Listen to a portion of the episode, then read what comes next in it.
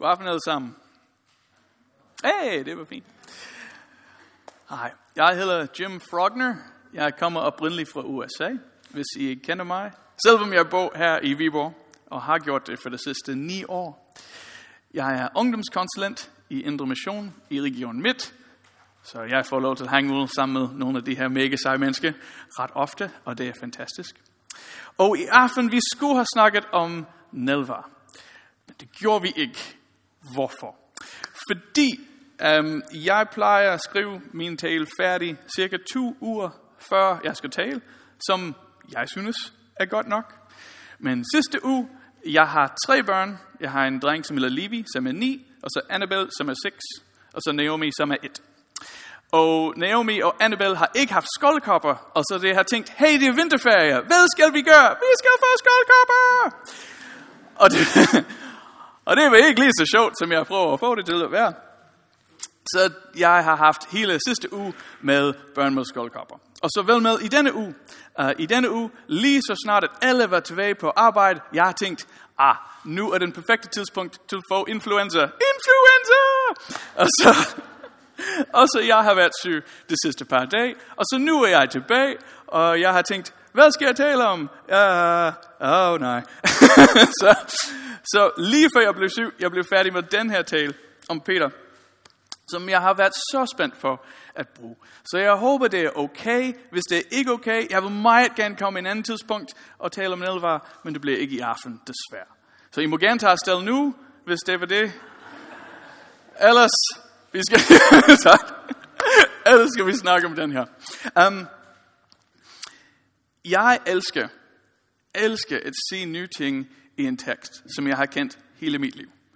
Jeg har hørt om Peters fornægtelse, når han nægtede Jesus tre gange, når han svigte ham.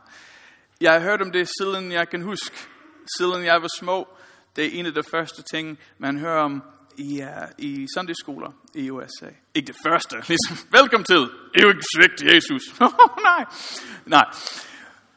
Men lige fra starten af, det er en af den historier, som sidder med, oh, han svigtede Jesus. Men jeg har ikke tænkt så meget over, hvorfor og hvordan har det set ud i hans liv, i den hverdag, han var i på den tidspunkt. Og det, som jeg har fuldstændig gået glip af, er, hvordan Bibelen viser os en fremragende billede om den bare healingsproces, han går igennem sammen med Jesus. Så han starter med at nægte ham, og så senere i Johannes, Jesus kom og satte ham tilbage og hjælper ham og begynde med den helbredelsesproces, healingsproces. Og så i Apostles Gerninger, vi får lov til at se en helt ny Peter, som kommer frem. Men det skal vi kigge på i aften. Hvis I har en bibel foran jer, åbn den til Johannes evangeliet, kapitel 18. Hvis I vil gerne have en med, det, ja, ja, sådan, der er jo mange, som står derovre.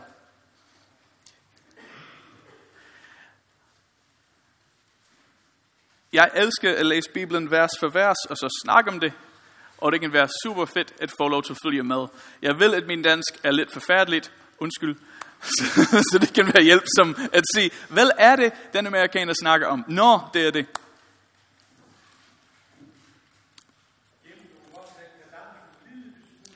Okay. Det prøver jeg at gøre. Jeg bare bliver så ivrig, det er svært.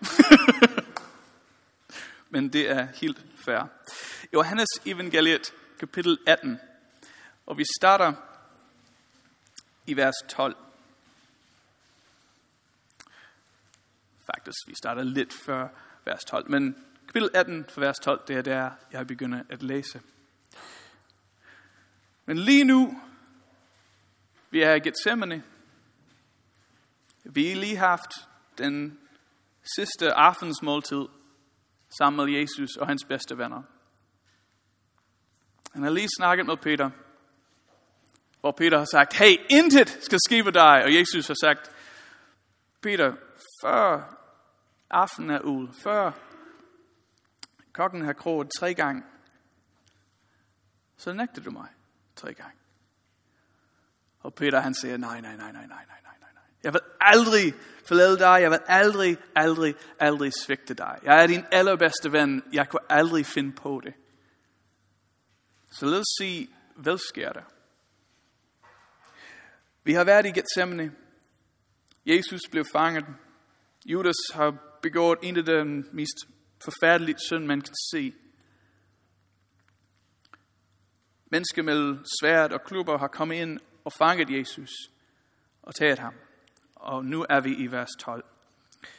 Vagtstyrken og officererne og julenes tempelvagter anholdt nu Jesus og bandt ham. Det førte ham først til Annas, for han var svigerfar til Kajafas, der var øverste præster det år. Og jeg starter med de vers, fordi det er meget vigtigt at vide, hvem er det her to mennesker? Fordi Annas, vi ser ham faktisk i Johannes evangeliet, og også i Apostles Gerninger. Han er efter Jesus og disciple hele igennem Nye Testament. Det er meget interessant. Så hvem er han, nummer et? Nummer to, hvem er Kajafas? Og nummer tre, hvorfor i alverden, hvis Kajafas er øverste præst, som er den vigtigste, højeste stilling i hele jødedom, hvorfor tager vi til Annas hus først? Vagtstyrkerne, officererne, de her mennesker kommer fra Sanhedron. Sanhedron er den, når i dansk bibel, når det står rullet, det er Sanhedron. Sanhedron er 70 mennesker. Det er den vigtigste og højeste af alle dem i jødedom. Det er, det er sammenset af færre sadducees, øh, lovkyndige, og tidligere øverste præster. Og man begynder at tænke, vent, tillige øverste præster. I hele Gamle Testament, øverste præst er et livsvarigt job. Man er øverste præst altid. Så hvad, hvad, hvad skete det? Rom. Når Rom har kommet ind og tænkt, hey, vi ejer alt nu, så, der, så har de fandt ud af, okay, den vigtigste, mest magtfulde menneske, han er livsvarig. Hvad hvis han kan ikke lide os? Nej, nej, det duer ikke.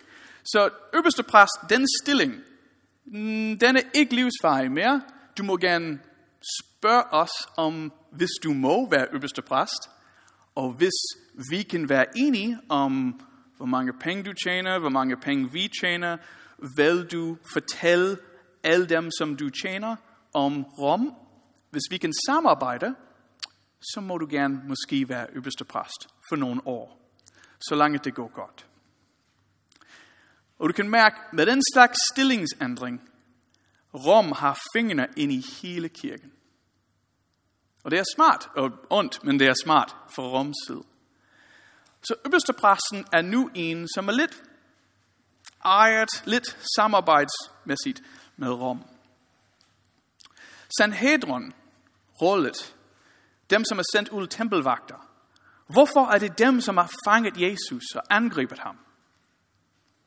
Fordi Rom har ikke set, at Jesus har gjort noget forkert.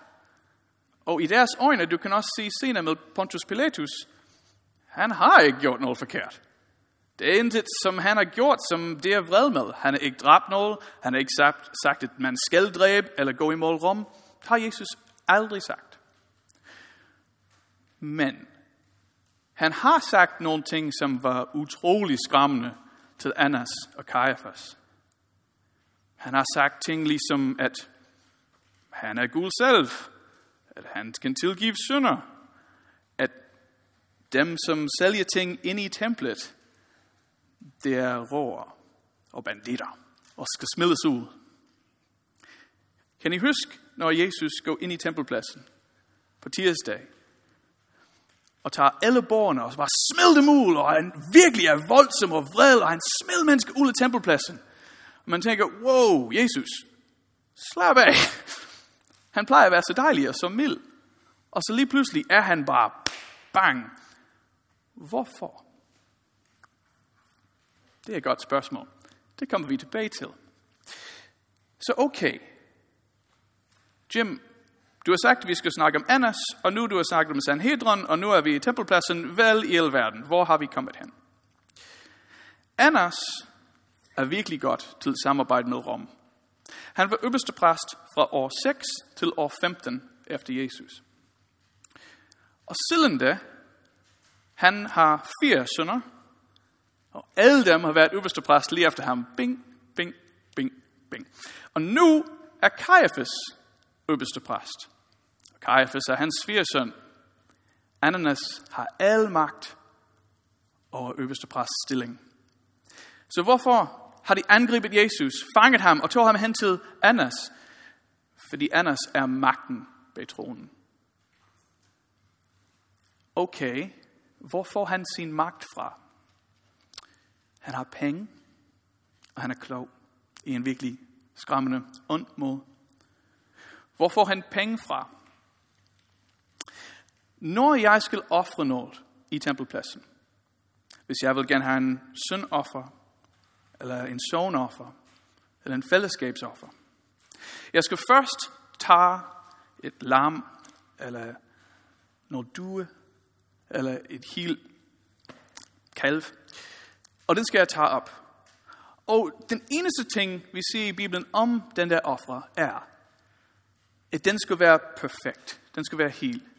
Det skal ikke være noget, noget, ingenting forkert med det. Hvis jeg er en, en hyrder, jeg kan finde min fineste lam og tænke, okay, den her, den er en perfekte lam. Den tager jeg frem, fordi jeg vil gerne ofre det til Gud. Og jeg tager den ind i tempelpladsen, og lige når jeg kommer ind, så kommer en præst hen til mig med det samme. Og han siger, hej, velkommen til, hvad skal du i dag? Uh, jeg skal lave en sonoffer. Fint, må jeg sige offredyret? Det må du gerne. Og han vil kigge på det. Og han siger, åh oh, nej, det er en fejl lige der. Og hyrden vil sige, nej, jeg, har, jeg, jeg kender den her dyr. Jeg, jeg har set den siden den var født. Den er i perfekt stand. Nej, det er det desværre ej. Jeg kan se en fejl lige der. Den må ikke være offret i tempelpladsen. Åh, uh, oh, nej. Og hvad skal jeg gøre? Uh, du skal bare tage lige derover til alle standene derover, og du skal købe dyr der. Alt dyr, som er derover, lam, du og kalv, den er allerede forberedt, den er allerede klar, og præsten har allerede sagt, at det, er, det er klar til ofre. Det er perfekt. Nå, hvad koster det? Hvis jeg har købt et par due, eller tog dem selv, det vil koste cirka 20 kroner. Hvis jeg køber den derover, det vil koste cirka 350 kroner. Hvem tror du ejer alle de der stald derovre? Annas og hans familie. Det er øverste præsten, som får lov til at sige, hvad må ofres og hvad må ikke ofres. Så han fortæller alle sine præster, hey, du skal bare finde fejl. Og de skal købe fra mig. Så hvilket sted er det, Jesus går ind og så fuldstændig ulækker? Annas. Hvad gør han? Han stjæler fra sit eget folk. Han stjæler fra Gud. Han gør alt, hvad han kan at tjene penge fra offersystem, i stedet for at bringe mennesker frem foran Gud. Der er utrolig mange ting kendt om Annas, fordi han var så held på sin eget tid. Josephus, som har skrevet lige efter Jesus, har skrevet meget om, hvor meget mennesker heldt ham. Så den her mand er meget kendt, meget snillig. Og Jesus har gjort det værste ting, man kunne på en mand ligesom det. Han har sagt, du er ikke god nok til at være præst. Du forstår ikke, hvem Gud er. Og jeg banker dig lige i pengepongen. Oh. Så hvad gør Annas? To og halvt dage senere, så er Jesus fanget. Og Peter er der. Og Peter ved lige præcis, hvem de her mennesker er, hvor meget magt det har. Anders, han har styret den her for det sidste, hvad, næsten 30 år. Han har så meget magt, og han er utrolig skræmmende. Og så hvad skal vi gøre? Kapitel 18, vers 15. Simon Peter og en anden disciple, som er Johannes, fulgte efter Jesus. Den anden disciple var kendt af øverstepræsten og gik ind i øverstepræstens gård sammen med Jesus. Uh, hvordan i alverden kender Johannes, Annas og hans familie? Det siger det ikke noget om i Bibelen. Vi har to traditioner. Den ene, som er den mest bekendt tradition, er lidt sjovt. Men det er, at Johannes, Jakob og Zebedias, deres far, deres fiskeforretning var faktisk så stor og så godt kendt, at øverstepræsten ville kunne spise deres fisk. Det er lidt sjovt. Men, det, men han var kendt med at komme frem og tilbage, det siger tradition, fra øverstepræstens gård med frisk fisk til dem. Så, eh, sådan. Så Johannes, han går ind sammen med Jesus. Men Peter bliver stående udenfor ved porten. Den anden disciple, Johannes, som var kendt af øverstepræsten, gik ud og talte med pigen, der holdt vagt ved porten, og fik Peter med ind.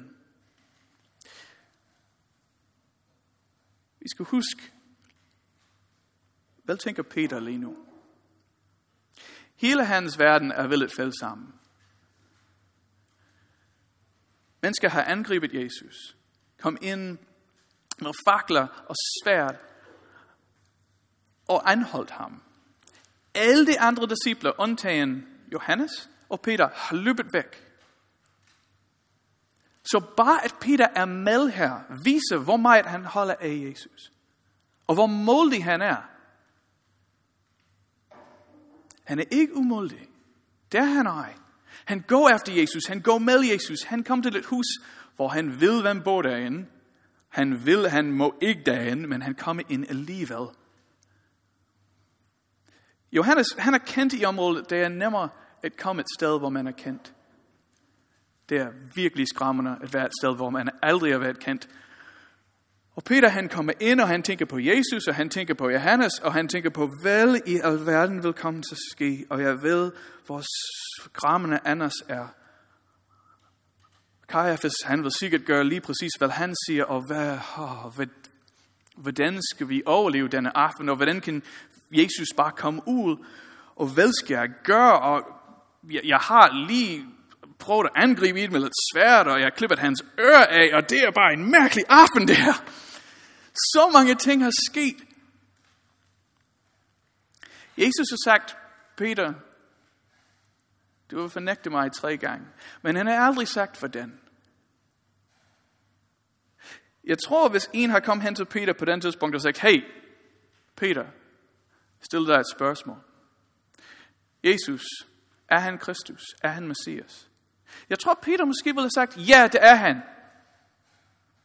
Men han tænker overhovedet ikke på det. Han er ikke forberedt for spørgsmål. Han er bange og forvirret og over det hele.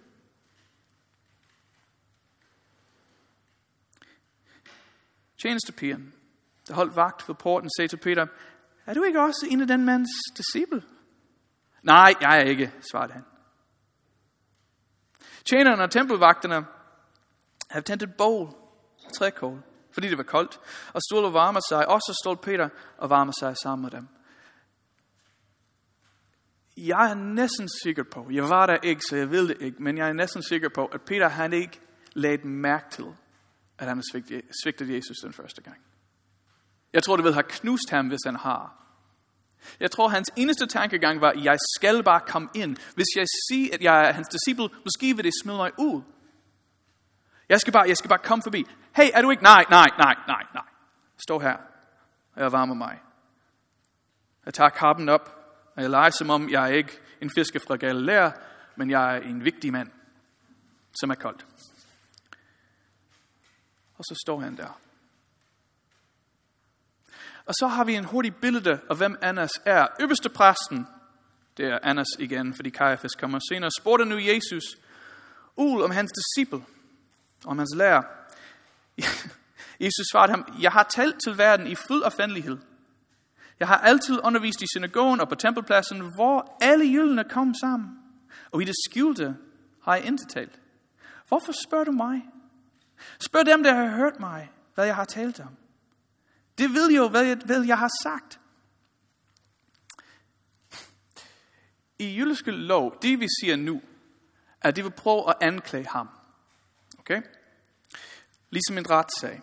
Det er derfor, Sanhedrin er samlet. Det er derfor, rådet er samlet. Fordi det vil gerne anklage ham og vise, hvad han har gjort forkert. Det er ligesom en officielt retssag. Øverste præst er der, Sanhedrin er der. Okay, men i en officielt retssag i jyldom, det er ikke ligesom i Danmark eller i USA, hvor vi må gerne spørge alle spørgsmål, som vi gerne vil. Nej. Hvis det er mig, som stiller on trial, hjælp. Tak. Hvis det er mig, som er blevet anklaget, du må ikke stille mig om, hvad jeg har gjort forkert. Det må man ikke. Du må spørge vidne om det.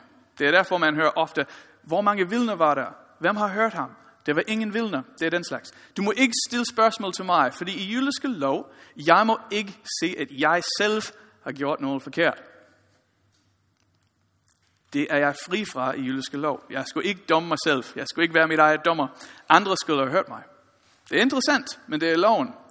Øverste præsten har lige gået lige igennem loven. Bare leget, som om der var der ikke. Jesus, hvad har du gjort forkert? Og Jesus siger, du, du må ikke stille mig den spørgsmål. Det er ulovligt. Han siger, der er så mange mennesker, som har hørt mig tale. Jeg har talt i alle fændelighed. Efter loven spørg dem. Det er det, han siger. Så det er det, der sker. Det er ikke som om Jesus prøver at snige sig uden om spørgsmål. Han bare siger til øverste præst, ja, hmm, jeg ved, det er svært for dig, det her med loven, selvom du er den højeste i kirken, men det er jo lovligt, det du siger lige nu. Det er ligesom, hvis vi er i Danmark, eller i USA, og dommeren har sagt til ham, som er anklaget, hvorfor har du gjort det? Jeg har ikke gjort det, du må ikke stille mig spørgsmål. Hey, slap af, du er dommer, bare sid ned.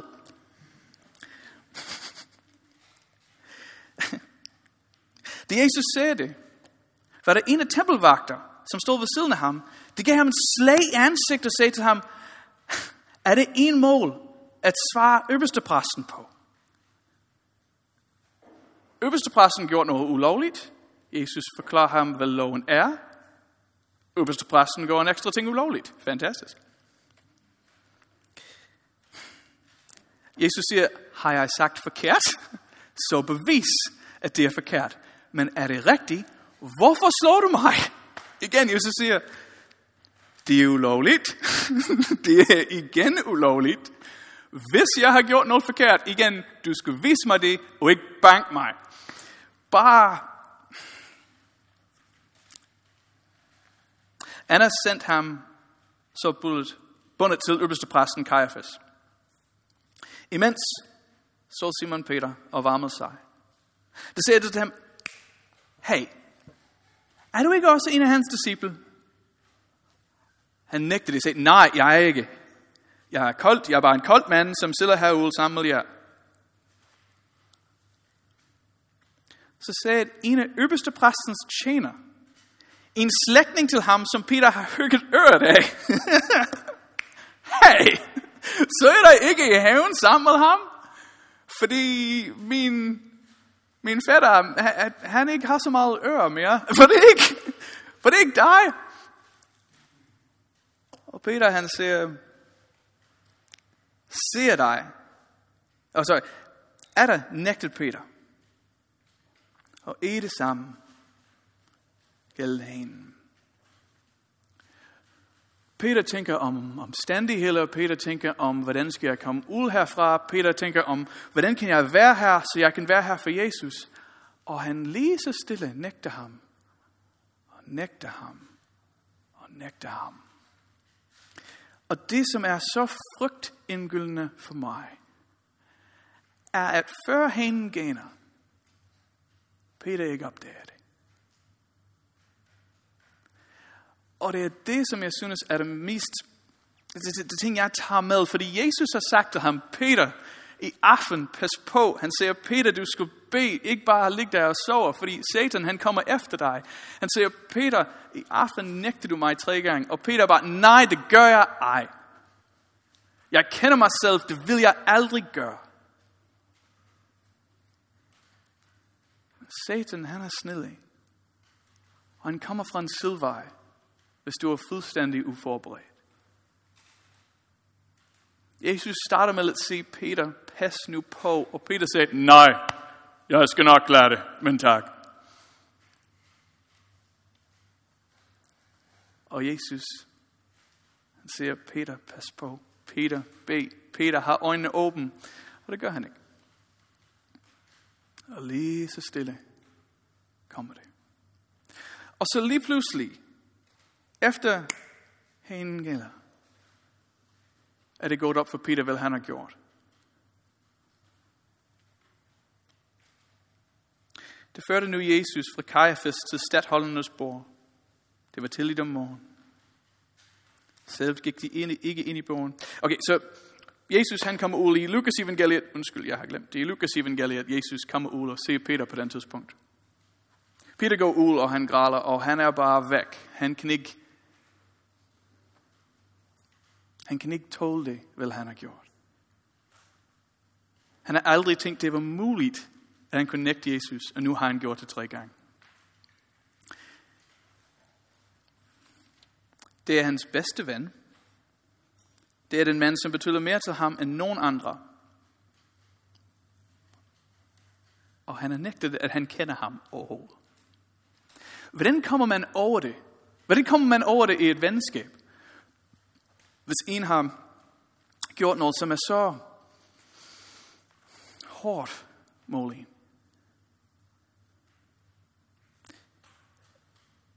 Og i Bibelen, vi kan se, hvad Jesus gør ved det, og hvad det gør ved Peter. Så lad os åbne Bibelen igen til Johannes 21, for vers 15.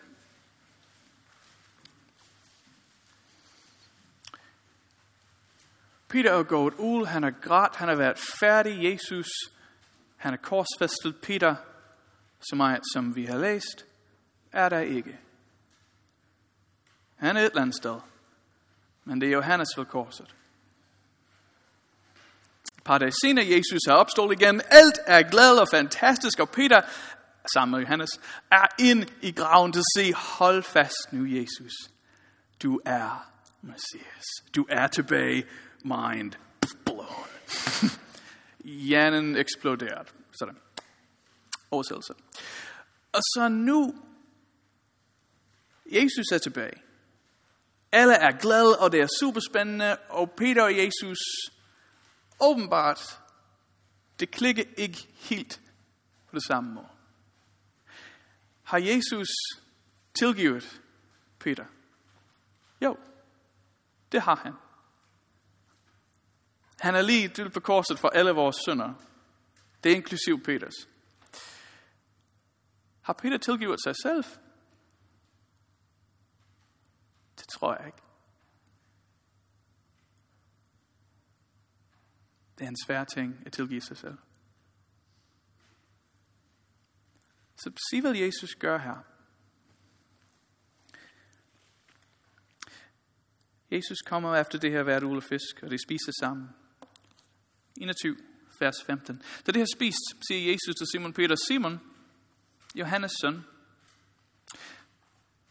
Elsker du mig mere end de andre?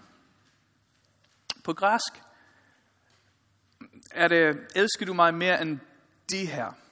Og det her er lidt forvirrende, fordi det kunne betyde de her mennesker, det kunne også betyde de her fisk, som lyder mærkeligt. Men lige efter Jesus forstår på graven, og så gået væk lidt, fordi han var lidt frem og tilbage i de der dage. Peter gik ud og begyndte at fiske igen. Du ser ham ud på fisk i en del gang. Så det kan nemt være, at Jesus siger, Peter, du har sagt, at du elsker mig mere end alle discipler. Gør du det virkelig? Det kan også være, at han siger, Peter, vil du gerne have et liv, som er baseret på mig, som du har sagt, eller vil du gerne være en fisker? Det er, u- det er uklart, og det er faktisk, jeg kan godt lide, at det er uklart, fordi jeg kan godt lide begge dele. Peter, har dit liv ændret? Har du stadig den målighed, som du har haft? Peter, Johannes søn, elsker du mig mere end de andre? Peter svarede, ja, her. Du ved, jeg har dig kær. Jesus siger til ham, vogt min lam. Igen for en anden gang siger han til ham, Simon, Johannes søn, elsker du mig? Han svarede, ja, her, du ved, at jeg har dig kær.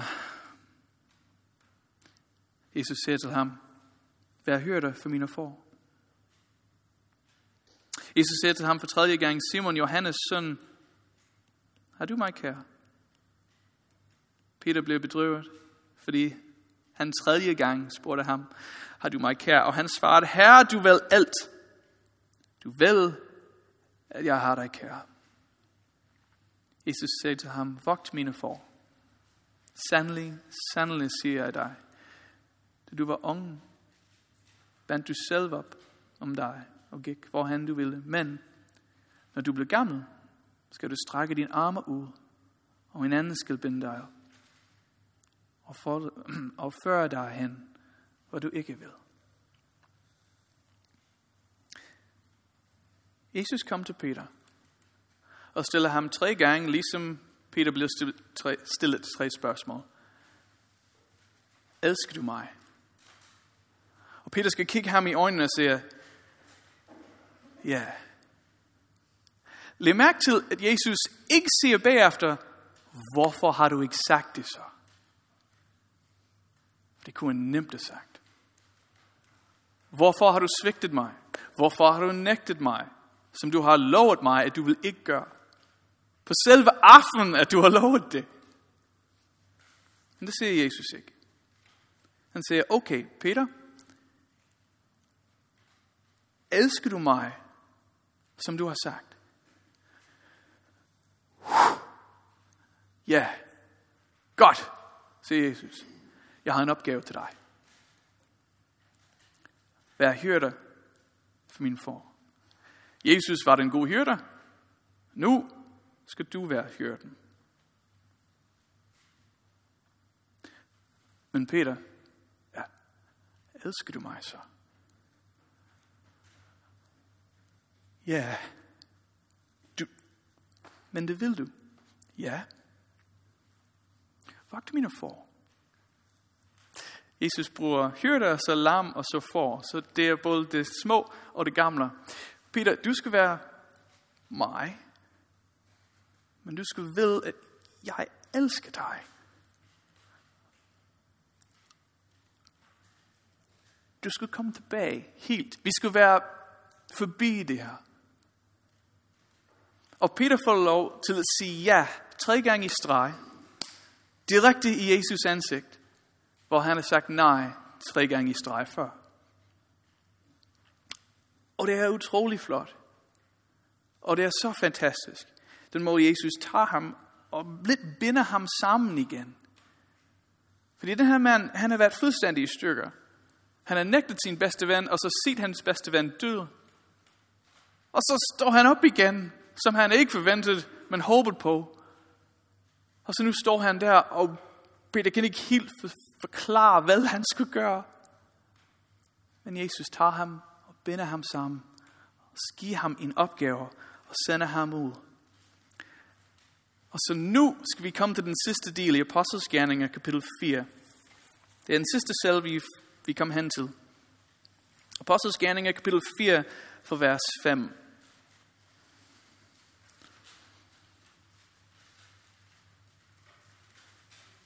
Meget har sket siden sidst.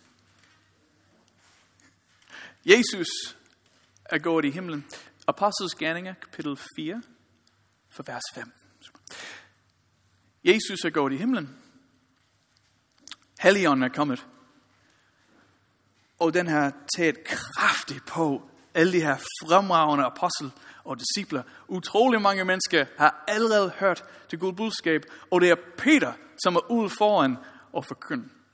Og han er en brændende forkynder. Han er virkelig imponerende. Og så nu står han foran Sanhedron igen. Vel har han gjort, uh, Johannes og ham har helbredt en mand, som var lam. Og så i vers 5. Den næste dag samles folkets ledere, Sanhedron, de ældste og skriftklog i Jerusalem.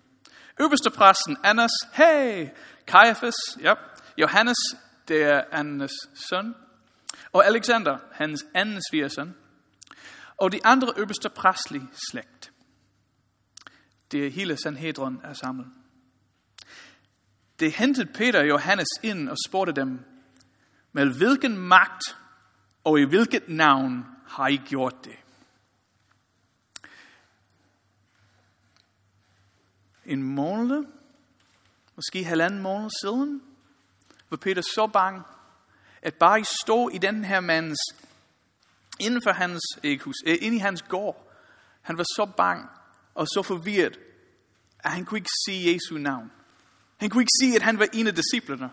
Og nu står han foran Annas, direkte. Og hele Sanhedrin, som kigger på ham, ikke Jesus, men på ham, og stiller ham spørgsmålet, hvem tror du på? Hvordan har du gjort det? Og læg mærke til, hvad Peter siger, fordi den er så sagt. Vers 8. Fyldt af helligånden svarede Peter dem, Folkets leder og ældste, når vi i dag bliver forhørt på grund af en velgærning mod en sygmand, hvordan han er blevet helbredt, så skal I alle, ja, hele Israels folk vil, at det er i Jesu Kristi Nazarenens navn. Ham som I korsfæstet, men som Gud oprejst fra det døde, at denne mand står rask foran jer. Jesus er den sten, som blev vredt jeg er byggemester, men som er blevet et sten. Og der er ikke fredsen i nogen anden, ja. Det er ikke givet menneske noget andet navn under himlen, som vi kan blive frelst ved.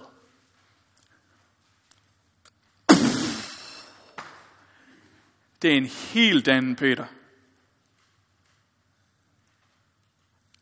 Læg mærke til den her mand. Han brænder for vildt, og han er så begejstret og fyldt med Jesus. Og når den her utrolig skræmmende mand, som har magt til at dræbe ham, ligesom han har dræbt hans mester, siger til ham, hvem tror du på? Han siger, godt, tak fordi du spurgte. Jesus, ligesom han næsten råber det. Man kan mærke den her ånd blæse ud af ham. Han er så fuldt med kærlighed og så fuldt med helligånd. Det er så fedt. Og vers 13. Men dette er så Peters og Johannes frimodighed og bliver klar over, at det var jævne og ulært mænd. Undrede de sig. De vidste, at det har været sammen med Jesus. Når det siger Peter, de kan ikke forklare, hvordan i alverden taler han som det her. Det giver ikke mening. Han er ikke bange. Han er ikke bange for os overhovedet.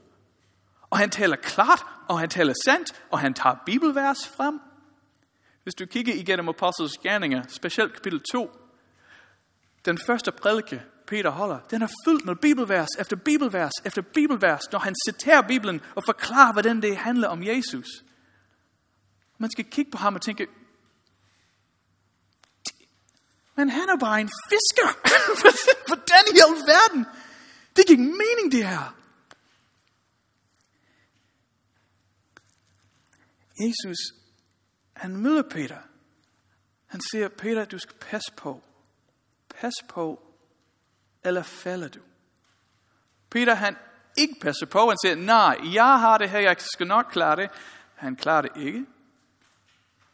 Og så kommer Jesus igen. Men ikke for at vise ham, hvor dårlig han er. Men bare for at vise ham, hvor meget han er elsket. Og han giver ham den næste chance. Og han forberedte ham og sagde, okay, sidste gang jeg spurgte dig, du var ikke forberedt, og jeg spørger dig igen. Vogte mine lam. Pas på mine får. Vær hyrden, Peter. Vær klar. Og denne gang, Peter er klar. Og han er klar resten af sit liv. Han er stadig Peter. Du kan se det. Det er fantastisk.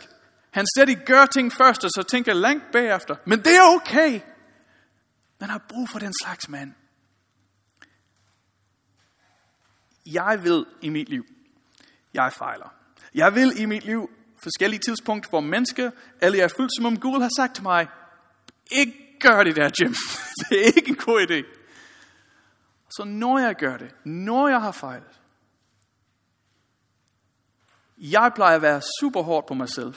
Og vil gerne sige, nej, jeg vil aldrig gøre den slags ting igen. den første gang, jeg var ude og holde tale på dansk her i Danmark, det var i års. Og det var til et fællesmøde, og jeg, jeg øvede mig utrolig meget, og jeg var så bange. Det er svært at tale et andet sprog. Det er mega svært at tale i jeres flotte sprog. Og så, og så kommer jeg ind, og jeg holdt tale. Jeg tror, det var en halv time. Og jeg var færdig og tænkte, åh, oh, det gik godt. Jeg var så stolt af mig selv, fordi jeg har, jeg har gjort det. Jeg har talt på dansk. Jeg var så bange. Og til sidst kom den her dejlige dame hen til mig, når jeg er på vej hjem. Hun kom hen til mig. Hun var cirka 80, der omkring. Og hun kom hen til mig og sagde, hej. Jeg sagde, hej. Hun sagde, tak for talen. Jeg kunne godt forstå dig. Dine bevægelser var virkelig fine. Jeg tænkte, tak. det var meget livligt. Men hun sagde, men næste gang er det muligt, at du kan tale på dansk.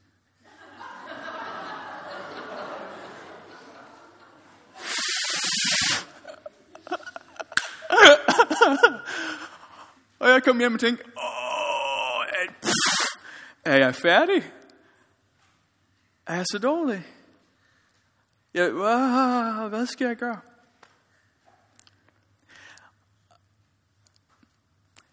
Heldigvis, vi har en Jesus, som ikke siger, okay, det skal du aldrig gøre igen. Du skulle være forberedt, men det var du ej. Nej, nej. Han siger, okay, Jim, elsker du mig? Ja. Elsker du mig? Ja. Elsker du mig? Ja. Okay. Stole på mig og gå igen. Okay. Jeg elsker den mål. Han måltager Peter. Jeg elsker den mål, han måltager os. Den mål, han passer på os på. At Peter kan svigt, og så end som han gør, giver mig mål til at komme frem. Det giver mig mål til at svigt, det giver mig mål til at gøre ting forkert, som er lidt skræmmende at se. Men vi har brug for at føle os fri til fejl, fordi vi har en gul, som tager os op igen, og så sætter os ud. Det er en ting. Og den anden ting er, når Jesus siger, pas på, og vi hører i Bibelen ret ofte, pas på, vær på vagt. Peter selv siger, Satan er som en brøllende lyve, som bare sniver rundt. Vær vågen. Vær på vagt. Be.